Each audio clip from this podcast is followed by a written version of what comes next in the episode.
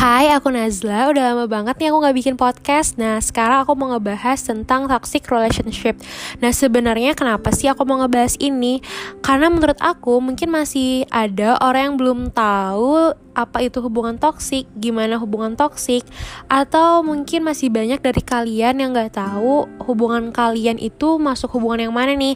Hubungan sehat, maksudnya hubungan yang sehat itu adalah hubungan yang membawa dampak positif, atau hubungan kalian itu udah gak baik, udah toxic, udah beracun nih atau enggak kalian itu sebenarnya udah sadar kalau kalian itu di dalam suatu hubungan yang gak baik tapi kalian ini bingung harus kayak gimana gitu kan nah menurut aku sendiri toxic relationship itu adalah ketika pasangan kita udah nyakitin kita berkali-kali tapi kita itu tetap gak bisa untuk ninggalin dia gitu loh gak bisa ninggalin pasangan kita gitu loh. Nah mungkin gak sadar juga kali ya menurut aku bisa aja gak sadar. Bisa juga secara gak sadar eh gimana tuh? Sorry sorry. Maksudnya bisa aja dia gak sadar kalau dia itu di dalam suatu hubungan yang toksik bisa juga menolak untuk sadar bahwa dia itu di dalam suatu hubungan yang toksik nah maksudnya adalah karena menurut aku masih banyak banget orang-orang yang masih mempertahankan hubungan itu padahal dia udah disakitin secara fisik, secara mental, secara emosional. Nah, kalau misalnya kita sebagai orang yang biasa-biasa aja, maksudnya kayak orang yang ngelihat memandang hubungan itu kan kita udah tahu nih bahwa hubungan itu adalah toxic. Tapi mungkin bagi yang menjalankan, bagi yang ngejalanin hubungan itu, mungkin dia ngerasa dia bisa ngubah pasangan dia itu menjadi orang yang lebih baik lagi jadi lebih caring penuh affection kamu bisa ngehargain dia lagi gitu kan. Atau enggak gimana ya mungkin dia tuh berpikir dengan adanya dia dia itu bisa membuat pasangannya itu jadi tobat gitulah jadi nggak nggak kayak gitu lagi gitu kan. Nah padahal sebenarnya si pasangan ini nggak pernah berubah. Dia tetap ngelakuin hal yang nyakitin kalian gitu loh. Maksudnya ya tetap aja diulang-ulang gitu loh. Dia minta maaf eh, gini deh. Dia ngulangi dia ngelakuin kesalahan dia minta maaf dia janji nggak ngulangin lagi dia ulangin lagi gitu kan secara berulang-ulang gitu loh sampai kita ngerasa capek tapi kita nggak bisa tuh untuk mengakhiri suatu hubungan itu.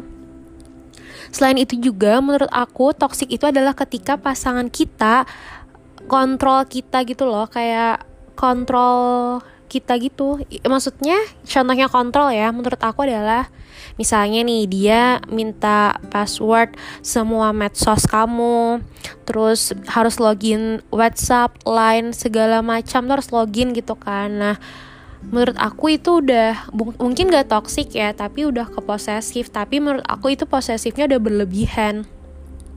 Karena apa? Karena menurut aku kalau dia emang mau protektif kayak mau menjaga gitu loh kan pasti alasannya dia nggak mau kamu diambil sama orang lain. Nggak mau kamu apa sih namanya pokoknya dia tuh menghindari gitu kan biar kita nggak diambil sama orang lah. Ya istilahnya gitu kali ya. Nah menurut aku kenapa sih harus di login gitu loh? Karena menurut aku dalam suatu hubungan itu harus ada kepercayaan. Nah ketika dia minta password harus login segala macam kan artinya dia nggak percaya sama kamu dong. Nah tapi beda cerita kalau misalnya emang kamu setuju gitu loh untuk ngejalanin itu semua menurut aku it's okay. Itu pilihan kamu kalau kamu setuju dia atau kamu teker teker tuker tukeran gitu kan it's okay.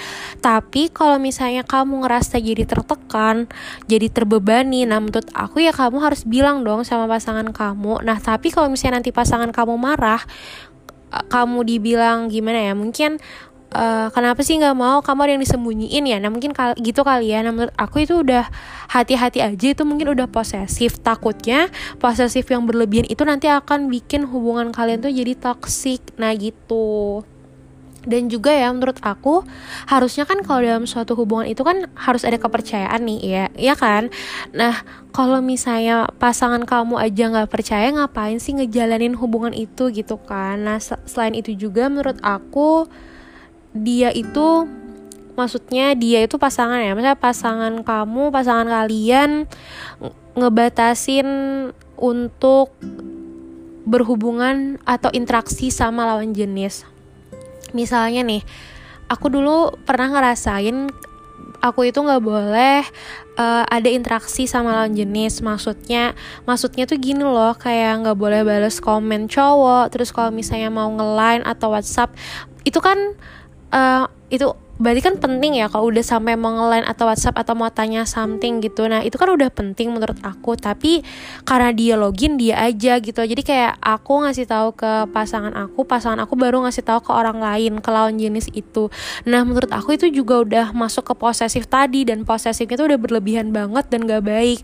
Menurut aku hati-hati aja hubungan yang kayak gitu nanti bisa ke hubungan yang toksik selain itu juga dia ngelarang kamu untuk temenan sama teman-teman kamu gitu loh. Nah menurut aku biasanya nih kebanyakan aku nggak tahu ya tapi kalau yang aku pernah alami dulu kayak berdasarkan pengalaman nih dia itu ngelarang-larang kamu buat kayak jalan sama teman-teman kamu gitu loh. Nanti dia tuh bilangnya tuh gini tahu kayak manis banget. Kamu ngapain sih temenan sama dia? Kan ada aku yang nemenin kamu. Nah itu kan kalau dalam hubungan itu kayak so sweet gitu nah padahal sebenarnya itu tuh kalau kita pikir-pikir lagi ya itu tuh salah banget. Karena sebenarnya kita itu memiliki hak sama kewajiban atas diri kita masing-masing gitu kan. Jadi kalau misalnya kita mau berteman tuh kan ya terserah dong itu hak kita untuk berteman dengan siapa saja gitu kan. Tapi kalau misalnya dia ngasih tahu mungkin untuk kebaikan kamu it's okay masih bisa diterima kan. Kayak kamu jangan temenan sama dia dia itu memberikan dampak negatif gitu loh bikin kamu males jadi apa ya jadi negatif gitu. Nah it's okay kalau dia bilang gitu. Tapi kan sebaik-baiknya ngasih tahu juga nggak sampai ngelarang dong pak. Cuma ngasih tahu aja kan kamu mendingan gak usah temenan deh kayak gini-gini. Nah menurut aku itu sih karena takutnya karena menurut aku ya hubungan toksik itu dimulai dari posesif yang berlebihan dengan alasan dia tuh mau protek kamu biar kamu nggak diambil sama orang lain dan segala macam. Nah terus juga hubungan toksik itu gimana ya? adalah hubungan ketika kamu udah nggak ada kepercayaan lagi. Nah, tadi menurut aku ini beda tipis aja sih sama yang masalah login uh, password sama apa login sosmed tadi maksud aku. Nah, menurut aku misalnya nih ketika dia udah pernah cheating dan kamu udah nggak percaya lagi. Tapi kan biasanya nih kalau misalnya dia minta maaf kita kayak bingung gitu kan apakah harus nerima atau enggak. Sebenarnya itu terserah kalian apakah kalian masih mau nerima dia ketika kalian tahu dia itu udah pernah cheating. Tapi biasanya kalau misalnya udah cheating tuh rasa kepercayaan kita tuh bakal berkurang kita akan jadi lebih protektif kita jadi lebih over malahan menurut aku. Jadi kayak ketika dia selingkuh dia minta maaf kita baikan kayak pas ngejalanin hubungan itu kan jadi lebih gimana ya kan kita tuh pasti mikir kan eh eh gimana kalau misalnya dia bakal cheating lagi dia bakal ada chattingan sama cewek lagi? Atau maksudnya kita tuh udah ke memiliki rasa udah nggak percaya lagi gitu loh kayak udah berkurang aja gitu nggak kayak awal. Karena sebenarnya kalau misalnya kamu udah nggak ngerasa ada kepercayaan lagi tuh sebenarnya buat apa gitu kan?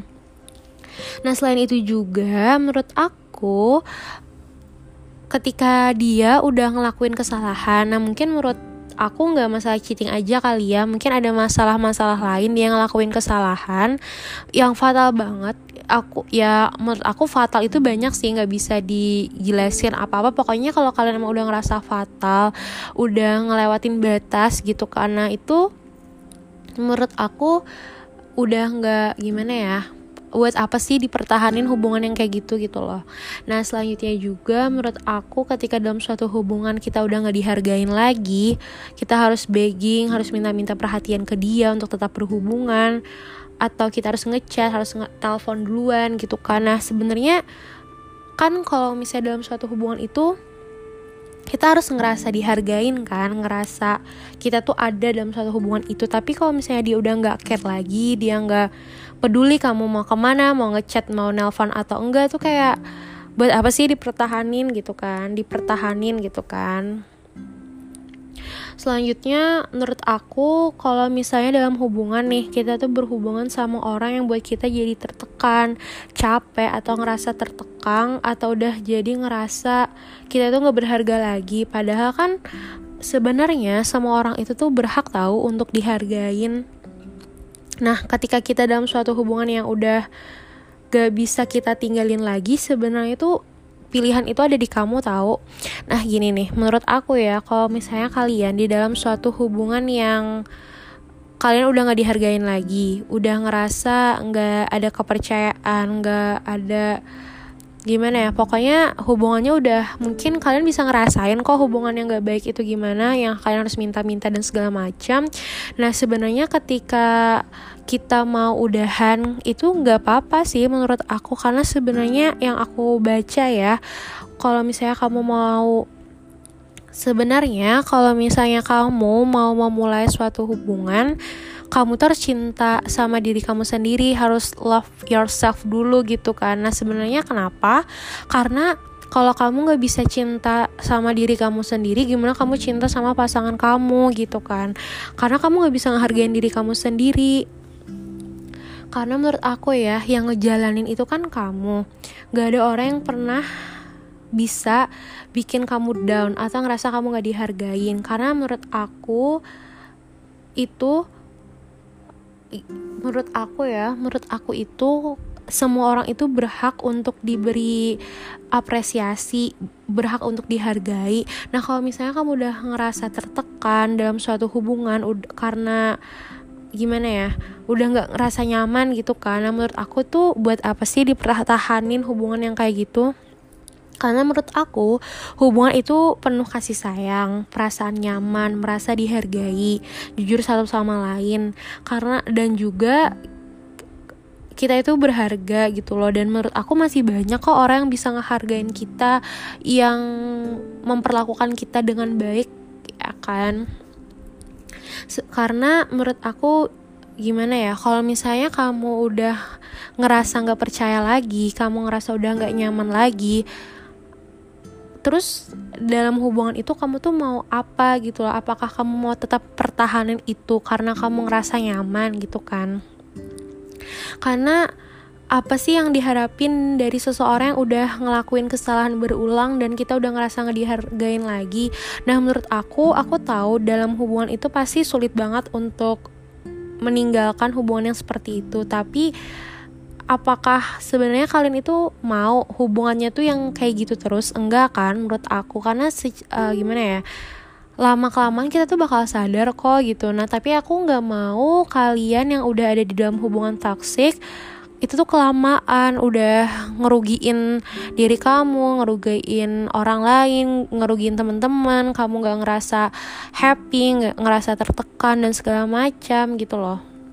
Karena kalau misalnya yang aku tahu gini ya belum nikah aja udah gitu apalagi nanti nikah. So pilihan itu ada di tangan kita apakah kita masih mau stay atau kita ninggalin hubungan itu. Karena apa kalau misalnya dipikir-pikir apakah kalian mau tetap ada di dalam hubungan itu selama-lamanya. Sebenarnya kalau toxic relationship ini nggak tentang pacar mulu sih. Maksudnya bisa juga kok ke teman-teman yang toxic tuh banyak.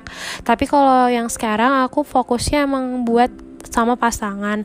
Nah, semoga dengan adanya podcast ini bisa relate sama hubungan kalian, kalian bisa sadar, bisa nanya diri ke kalian sendiri sebenarnya hubungan kalian tuh udah positif atau belum. Kalau misalnya kalian ngerasa udah toxic, aku bilang sih ya Semoga kalian bisa ambil keputusan sama apa yang kalian pilih karena semua pilihan itu ada pertanggungjawabannya. Bye.